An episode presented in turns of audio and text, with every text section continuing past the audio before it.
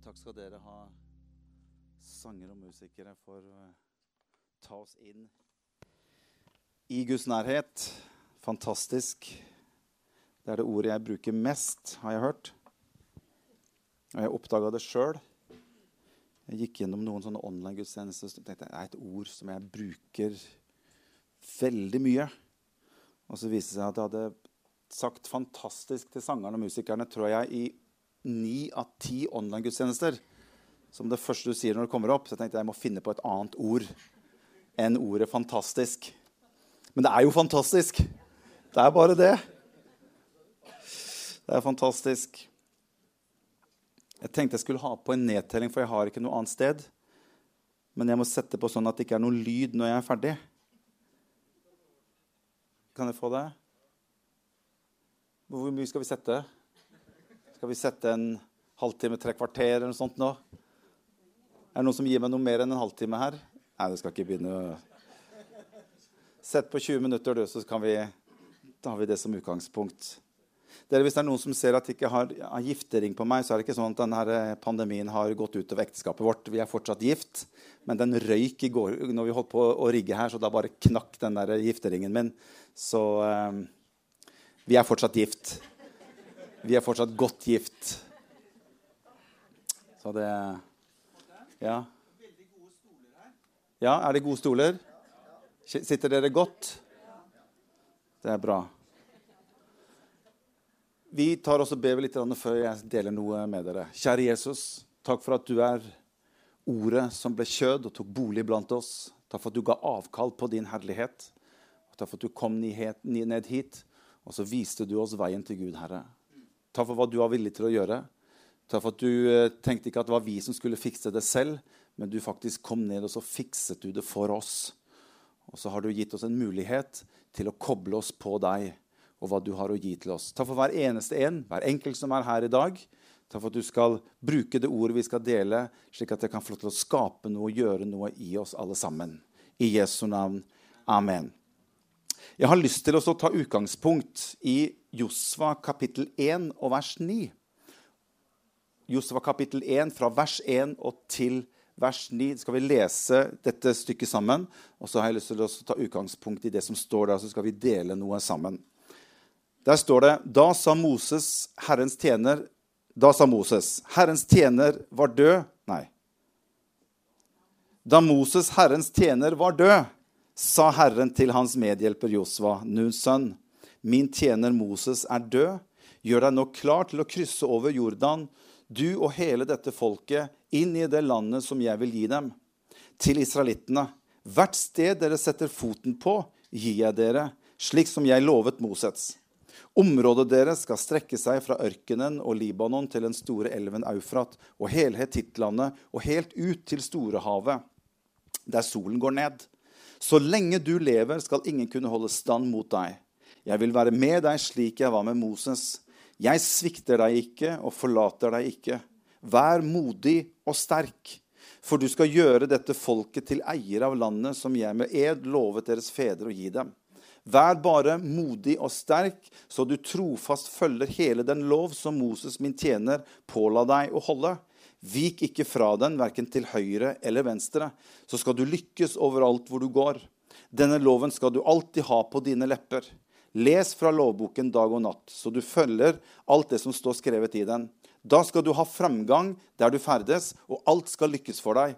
Jeg har jo sagt deg, vær modig og sterk. La deg ikke skremme, og ikke mist motet, for Herren din Gud er med deg overalt hvor du går. Fantastisk. Vær modig og sterk, og la deg ikke skremme, og mist ikke motet, for Herren din Gud er med deg overalt hvor du går. For en Gud vi tjener, som gir sånne løfter til oss som hans folk. Og Jeg har lyst til å bare, jeg har lyst til å dele dette Jeg har kalt, jeg var litt sånn usikker på hva jeg skulle kalle det som jeg skal dele. Om jeg skulle kalle det fra A til B. Det er liksom sånn, det skjønner folk. Eh, jeg kunne kalle det for eh, fra et sted til et annet, eller å krysse over. Det er kanskje det jeg har, sånn, har, har kommet litt sånn, litt sånn fram til. Så jeg tror jeg kommer til å kalle det for å krysse over eller å gå over. Eh, så jeg kommer til å bare legge en litt sånn innledning i dag. Og så kommer jeg til å fortsette litt neste søndag og snakke litt om dette med en kirke som krysser over. Og så skal vi ha en medarbeiderdag, eller medarbeiderkveld 16.9. i kirken. og Der kommer jeg til å dele del tre i dette. og Da har jeg kalt det for ledere og medarbeidere som krysser over. For jeg opplever at vi er i en fase i kirken vår. Jeg har tenkt mye på jeg bedt Gud, hva ønsker du at jeg skal dele i starten når vi starter opp i Folkebadet. Og det er dette skriftstedet som har kommet til meg om og om igjen. For jeg føler at vi er i en fase i kirken vår hvor Gud hva skal vi si, drar oss i en ny retning. Drar oss i en retning av at han har noe mer for Pinsekirken. Og vi er i en sånn fase nå hvor vi er i en slags form for sånn mellomfase av å gå fra noe og gå inn i noe annet. Og det kan vi jo også tenke på i forhold til at nå er vi ikke lenger på det stedet vi var. Men nå er vi her. Hvordan blir det? Hvordan vil det utarte seg? Hvilke følelser er det som dukker opp når vi må gjøre det litt annerledes enn det vi har gjort tidligere? Og videre. jeg skal komme litt inn på det. Men det var dette verset jeg opplever at Gud la litt i mitt hjerte. Jeg skal bare sette litt konteksten i det verset som vi leser her. Dette er altså Gud som taler til Josva. Israel har vært fanger i Egypt og slaver i Egypt i 400 år. Og Gud har ledet de ut av fangenskap ved Moses. Så Moses fører de ut fra fangenskapet etter 400 år som slaver. Og nå er også til og med Moses død. Og Israel har på en måte ikke kommet helt til det stedet som Gud har tenkt at de skulle komme. De har vært gjennom ganske mye, men det er enda mer utfordringer for folket Israel før de kommer inn i det Gud egentlig hadde som plan, egentlig har tenkt for landet Israel og sitt folk. Og det er denne Jordanelven som det står i, eh, i teksten her. Og det er nå de står med en ny leder som heter Josva, og de står foran en utfordring. Gud ber dem om å krysse over elven Jordan for at de skal komme inn i det landet som Gud ønsker at de skal komme inn i. Og det er en utfordring som i utgangspunktet er helt umulig for mennesker. Og det som er så interessant, det er at Gud ber de om å krysse over. Gud kommer til Josfa og sier han, 'Gjør dere klar for å krysse over Jordanelven'. Hvilken utfordring er det? Og det er noe i denne konteksten her hvor jeg prøver å se for meg Israel som har vært i noe og skal inn i noe nytt. Og Jeg har lyst til å dra disse parallellene, slik at du og jeg vi kan bruke det i våre liv, i ditt og mitt liv. Og vi kan også bruke det opp imot kirkens liv. Så jeg tror dette her vil ha stor betydning for deg og meg i våre liv sammen med Gud. Fordi vi er alltid på en vandring med Gud. Vi er alltid i en vekst sammen med Gud. Og i den veksten og i den vandringen med Gud så vil det møte, komme ting som Gud kaller deg og meg til å gå inn i. Og Gud kaller aldri deg og meg til å gå inn i noe, virker det som, uten at han kaller oss til å gå igjennom en slags form for Jordan.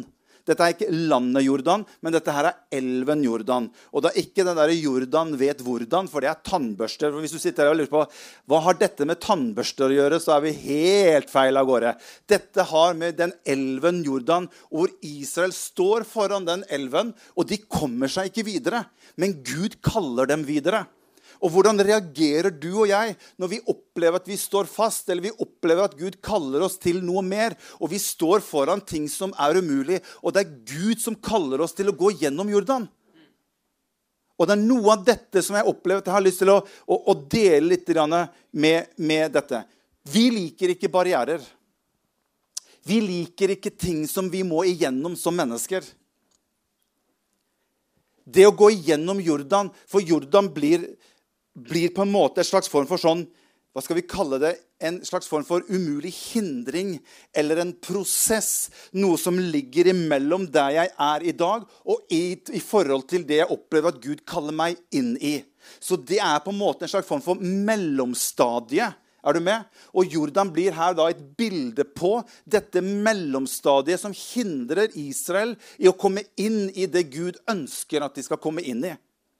Og jeg tror det virker som på meg gjennom hele Skriften så er Gud sånn at hvis du og jeg blir kalt av Gud, så er det ikke sånn at han bare tar deg og meg, og så flytter han oss bare automatisk inn i det lovede land. Men Gud er sånn at når han kaller deg og meg, så er det du og jeg som må handle på det når Gud kaller deg og meg.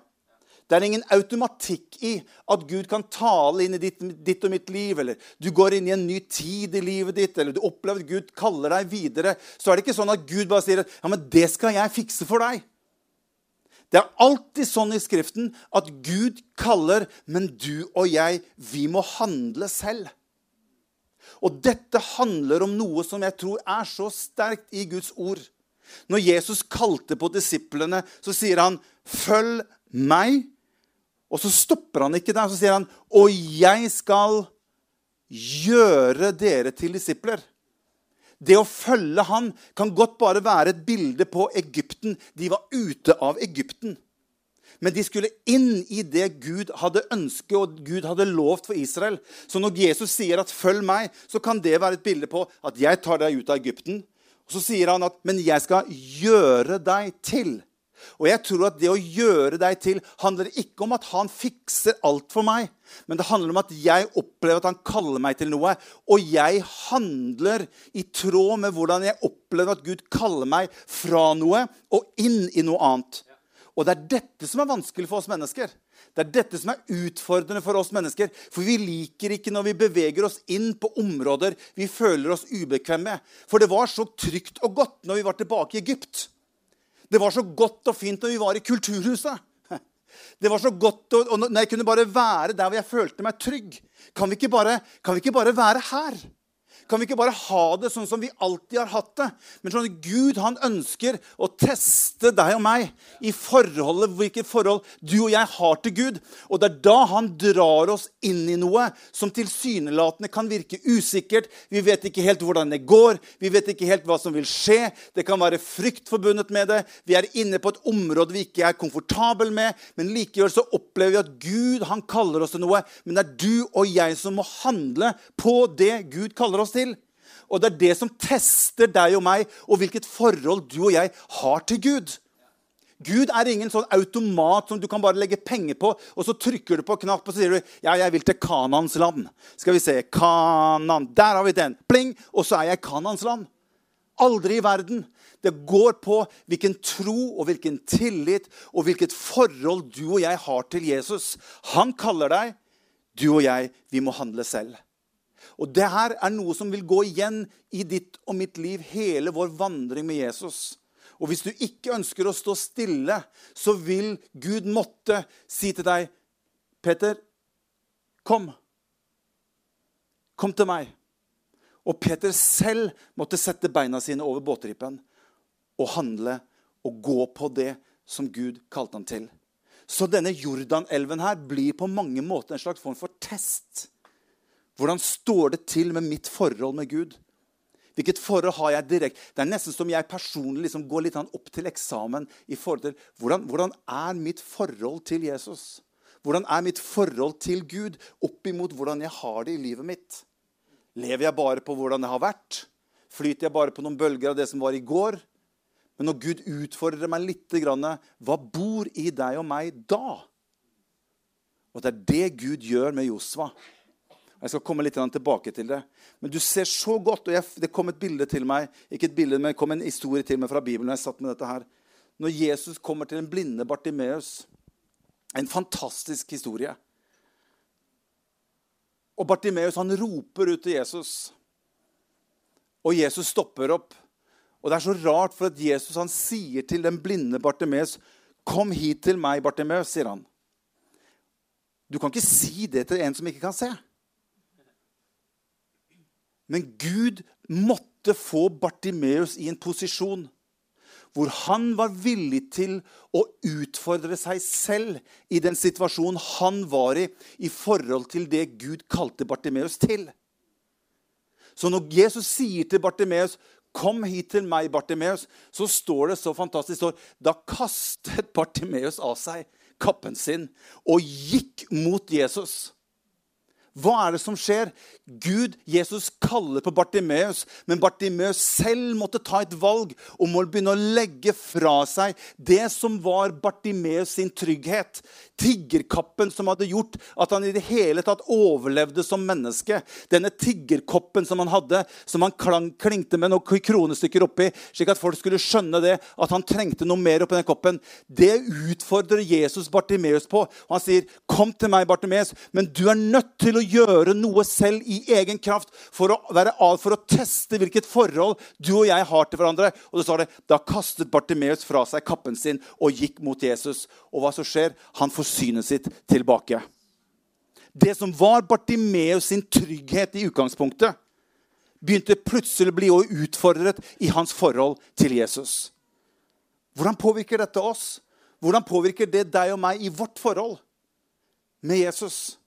Hvis Gud ønsker å ta deg og meg videre, så har vi ofte så lett for at det skal jo skje uten noe som helst mot, motstand. Det skal skje liksom uten at vi må liksom prøves i noe som helst. Men det er, derfor, det er derfor det står i Jakobs brev så står det at i kapittel 1 og vers 2 så står det Se det bare som en gledessøsken når dere møter alle slags prøvelser. Når dere møter alle slags sånne Jordanelver. For dere vet at når troen blir prøvet, skaper det utholdenhet. Og det er dette jeg opplever at Gud legger i mitt hjerte for vår kirke. Og det er dette jeg opplever at Gud legger i mitt hjerte for deg og meg som troende som har et forhold til Jesus. At du og jeg kan aldri gå gjennom livet og tro at det er bare å trykke på en knapp, så kommer du inn i det som Gud har for ditt og mitt liv. Han kaller på deg og han kaller på meg, men jeg selv må begynne å vandre og gå gjennom Jordanelven. Fantastisk. Henger du med? Jeg har bare noen punkter i forhold til denne teksten som jeg har lyst til å dele med dere. Jeg har fem punkter, tror jeg. Fire punkter som jeg ser bare i den teksten her, som kan være med å hjelpe deg og meg i det med å gå ifra noe og til noe. For vi syns det er så fantastisk når det står at vi går fra kraft til kraft. ikke sant? Å, vi går fra herlighet til herlighet. Men hva betyr det? Jo, det betyr at vi er nødt til å gå gjennom en Jordan. Gud kommer aldri til å føre oss videre. Og Det kan godt hende at Gud tester deg, og han tester meg. Og Når Jakob skriver at det, ser det bare som en glede, så må det ligge noe mer bak. For det er i utgangspunktet ikke noe glede å møte prøvelser. Men hvis det i seg selv er det som må til for at Gud kan få lov til å se sammen med meg, hva er du villig til, Morten? Hva er du villig til å gå igjennom? Hva kan jeg, hva kan jeg ta deg igjennom? Hvilken Jordan kan jeg ta deg igjennom, slik at vi kan få lov til å teste hvordan det står til i forholdet oss imellom? Og ut ifra det så kan Gud sette deg og meg over noe som er større. En sterkere herlighet, sterkere kraft osv. osv. Fordi at jeg sier til Gud, Gud, jeg opplever at du kaller på meg. Hjelp meg. Jeg ønsker å gå. Og det er det Josva står oppimot med hele Israels folk. Og Det som er interessant, det er at Gud, når han taler til, Moses, nei, til, til Josva så er Punkt nummer én som jeg bare har lyst til å dele med dere, det ordet er atskillelse. Atskillelse. Det første Gud sier til Josva, det er Josva, Moses er død. Josva, Moses er ikke her lenger. Denne store gudsmannen som var deres trygghet. Når han var der, så var det bra. Når han var der, så var det greit. Eller Moses kan være et bilde på at det vi hadde, det var så trygt. Det vi hadde, og det vi sto i, det var så bra. Det er borte. Det virker som at Gud poengterer det for Josva. Josva, du kan ikke lenger forholde deg til det som var. Moses er død. Det står til og med at Israel de gråt og skreik så mye i over en måned. Til slutt så måtte Gud komme og si vet du hva, gutter, eller folkens, Moses er død. Dere må videre.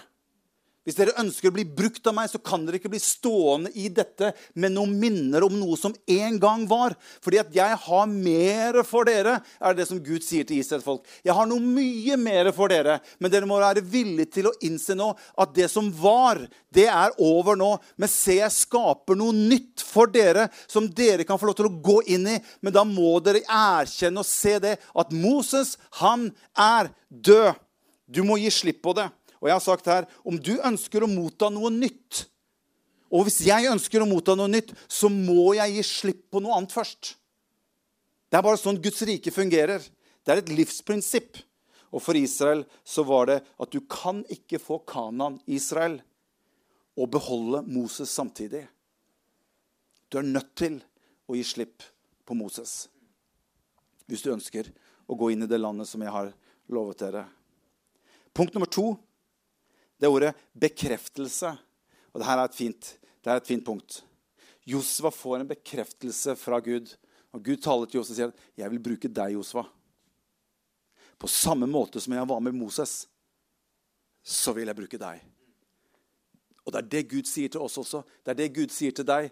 Det spiller ingen rolle om du heter Moses eller det ene eller det andre. Det spiller ingen rolle om du er slik eller sånn, eller om du har den erfaringen eller den erfaringen, eller om du er flink på det ene eller det andre. Det er ikke det som teller. Nøkkelen var ikke Moses, men nøkkelen var hvem som var med Moses. Det var jo hele, var jo hele poenget. Og det er det Gud prøver å si til. Josva Moses er død. Men han som var med Moses, han lever fortsatt, og han er uforanderlig. Og han kan du holde deg til. Og det er det Gud sier til Josefa, at nå vil jeg bruke deg. Men du må, måte, du må på en måte kjenne i ditt eget hjerte at Gud kan bruke meg like mye som han kan bruke alle andre. Det handler om at jeg stiller meg disponibel i å være lydig når Gud kaller på livet mitt. Og det er det Josua får denne fantastiske bekreftelsen fra Gud. Gud, Josua, jeg vil bruke deg, og jeg skal være med deg. Og Det kan hende at Josua hadde noe i livet sitt som gjorde at han kanskje fort ble litt mismodig. eller Følte at han var litt småredd, eller følte at han ikke hadde kraft eller styrke til å gjøre det som han følte kanskje han sto midt oppi. Og Jeg tror vi også er sånn som mennesker noen ganger. At vi kan føle oss på den måten. Det er derfor Gud kommer til å si til Josva Vær modig, Josva. Vær sterk, Josva. Jeg skal være med deg.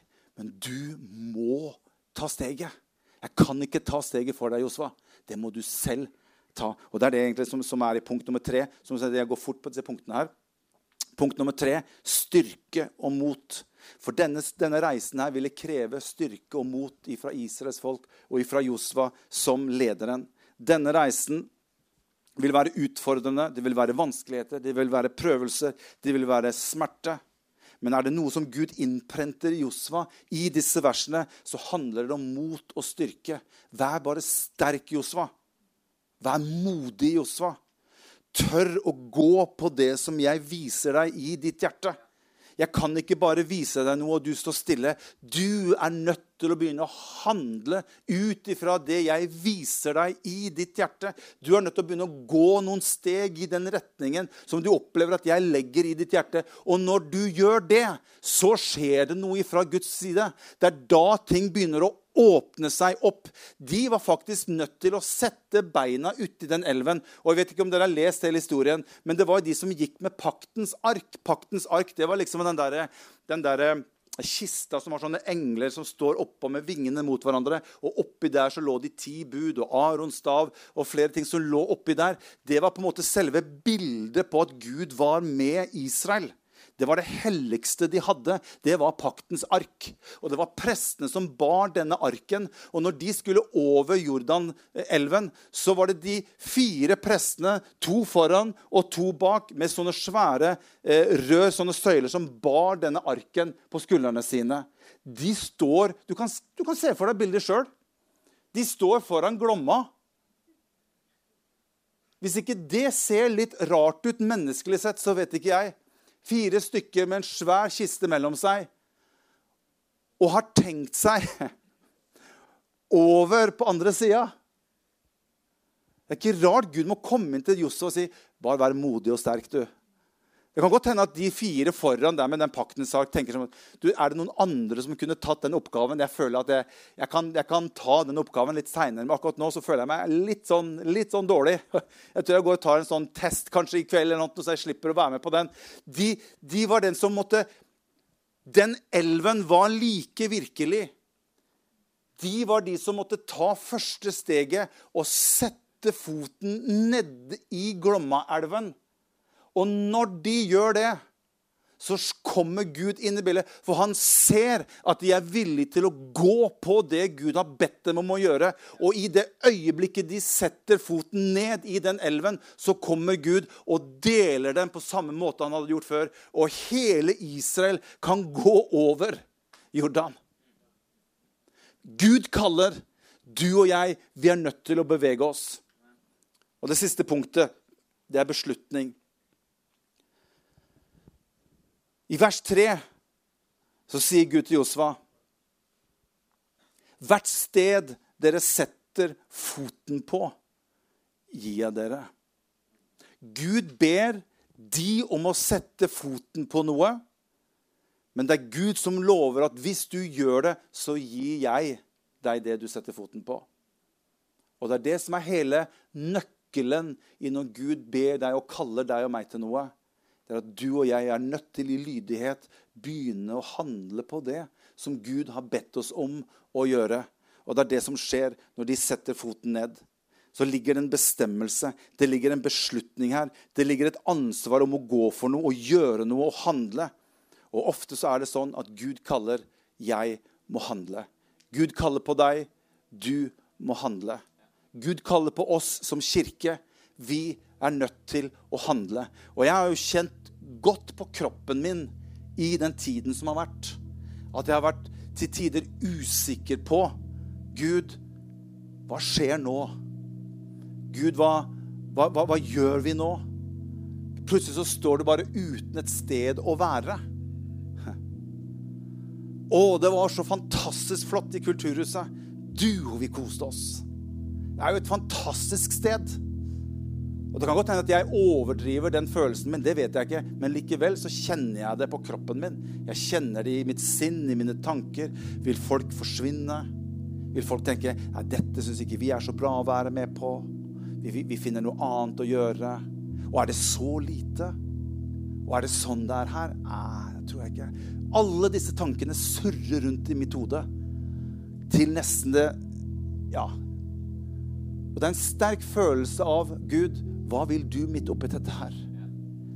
For hvis jeg mister at Gud har en plan, så vil det være så vanskelig å stå oppi det. Og Derfor så kjenner jeg meg så godt igjen når Gud sier til Josva Josva, bare vær modig og sterk, og jeg skal være med deg. Og Det egentlig Gud sier til Josva, det er at den kraft som var med Moses, den kraft er også med deg, Josva. Og jeg har måttet gått noen runder med meg sjøl oppi dette og kjenne på Kjenne meg svak, kjenne meg sterk, kjenne meg svak, kjenne meg veldig svak. Tvilende, urolig, usikker. Hva blir det til? Men midt oppi det så kjenner jeg også et eller annet Et eller annet sånn En eller annen dragning mot et eller annet. Et eller annet kall. Et eller annet fra Gud. Så sier Martin jeg har fortsatt en plan. Jeg er med dere. Jeg er fortsatt med dere. Jeg er ikke ferdig her i Sandvika. Og jeg er ikke ferdig med dere. Jeg har fortsatt en plan for hva jeg ønsker å bruke dere som kirke til midt her i Sandvika. Og når det har åpnet seg opp som det har gjort her, så er jeg litt sånn at jeg tenker, Gud, kanskje du har en plan. Kanskje det er et eller annet du ønsker å gjøre. Gud, hva er det? Og så virker det så diffust at det er nesten lettere å kanskje bare trekke seg tilbake. Og til og med Israels folk, som var slaver i Egypten, kommer til et punkt hvor de sier at det var mye bedre for oss å være i Egypten, ved kjøttgrytene der. Vi trekker tilbake til Egypten. Men Gud hadde noe annet for Israels folk. Og jeg tror Gud har noe for oss videre på dette sted. I dag er jeg full av forventning. I dag har jeg en forventning i mitt hjerte. Så unnskyld at jeg blir litt sånn følsom på dette, men det er, det er 18 måneder med uforløst frustrasjon som Men jeg har en sånn lengsel at Gud skal få lov til å bruke oss, bruke deg og meg. Og jeg har lyst til å si til oss alle sammen Kanskje vi skal bare snu hele forventningene, vårt sinn og våre tanker si Gud, hvis du ønsker å bruke oss her, så skal jeg være med. da skal jeg være med. Da skal jeg være med å vinne mennesker for deg. Da skal jeg være med å være med å bygge Guds rike her. Midt i Sandvika. Og hvordan det har åpnet seg for oss å være her. Jeg kan ikke noe annet å tro at Gud har hatt en finger med i spillet. At vi kan få lov til å være her. Det er annerledes, ja. Det er lavere under taket. Det er veldig mye lavere under taket. Det er så mye som er annerledes. Men jeg trenger bare å ha øynene mine festet på Jesus. Og si, Jesus, bruk meg her. Jeg stikker ikke tilbake. Jeg går ikke noe sted. Jeg ønsker å fortsette å være med og tjene deg her på dette stedet, Herre. Bruk meg. Kan vi ikke reise oss opp, alle sammen?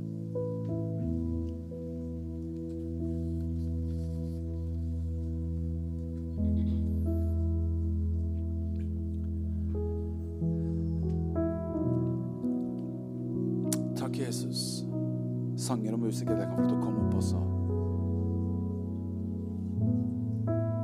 Jeg vil at vi skal bare være i Guds nærhet. Jesus er her. Den hellige ånd er her. Jeg vil at vi skal bare lukke øynene våre alle sammen. Og så vil jeg at vi skal inn for Gud. Ut ifra det skriftet det står at hvert sted som dere setter foten på, det vil jeg gi dere. Jeg ønsker at vi skal innenfor for Gud si, Herre, du er her, og vi er her. Bruk oss i denne tiden. Så jeg bare lyst til at vi tar en lite øyeblikk hvor du er innenfor Gud. At vi bare sier innenfor Gud, Herre, vi ønsker bare å sette foten vårt på dette stedet her. Åndelig talt. Gi oss dette sted. Og la din herlighet få lov til å flyte gjennom disse rommene her. La din kraft og din kjærlighet få lov til å berøre mennesker her. Jesus, takk for at du er her. Herre, vi ønsker å be om at vi skal få lov til å bære til en velsignelse for mange mennesker i Sandvika gjennom dette sted. Takk for lyden av evangeliet og lyden av ditt budskap, Herre. Skal få lov til å treffe mange mennesker, og mennesker skal få lov til å komme og finne deg til frelse. Derfor for at du skal gjøre oss, Herre, hver enkelt, til mennesker som peker på deg, som vitner om deg, Jesus. At mennesker kan få lov til å finne deg og få ro i sitt hjerte. Finne deg til frelse. Finne relasjon tilbake til deg, Gud. Bare ber om det i Jesu navn. Takker deg for det, Jesus. Takker deg for det, Herre. Vær bare modig og sterk. Frykt ikke for noe, for jeg er med dere. Halleluja. Vi synger en sang til slutt her. Lovpriser vi Jesus litt.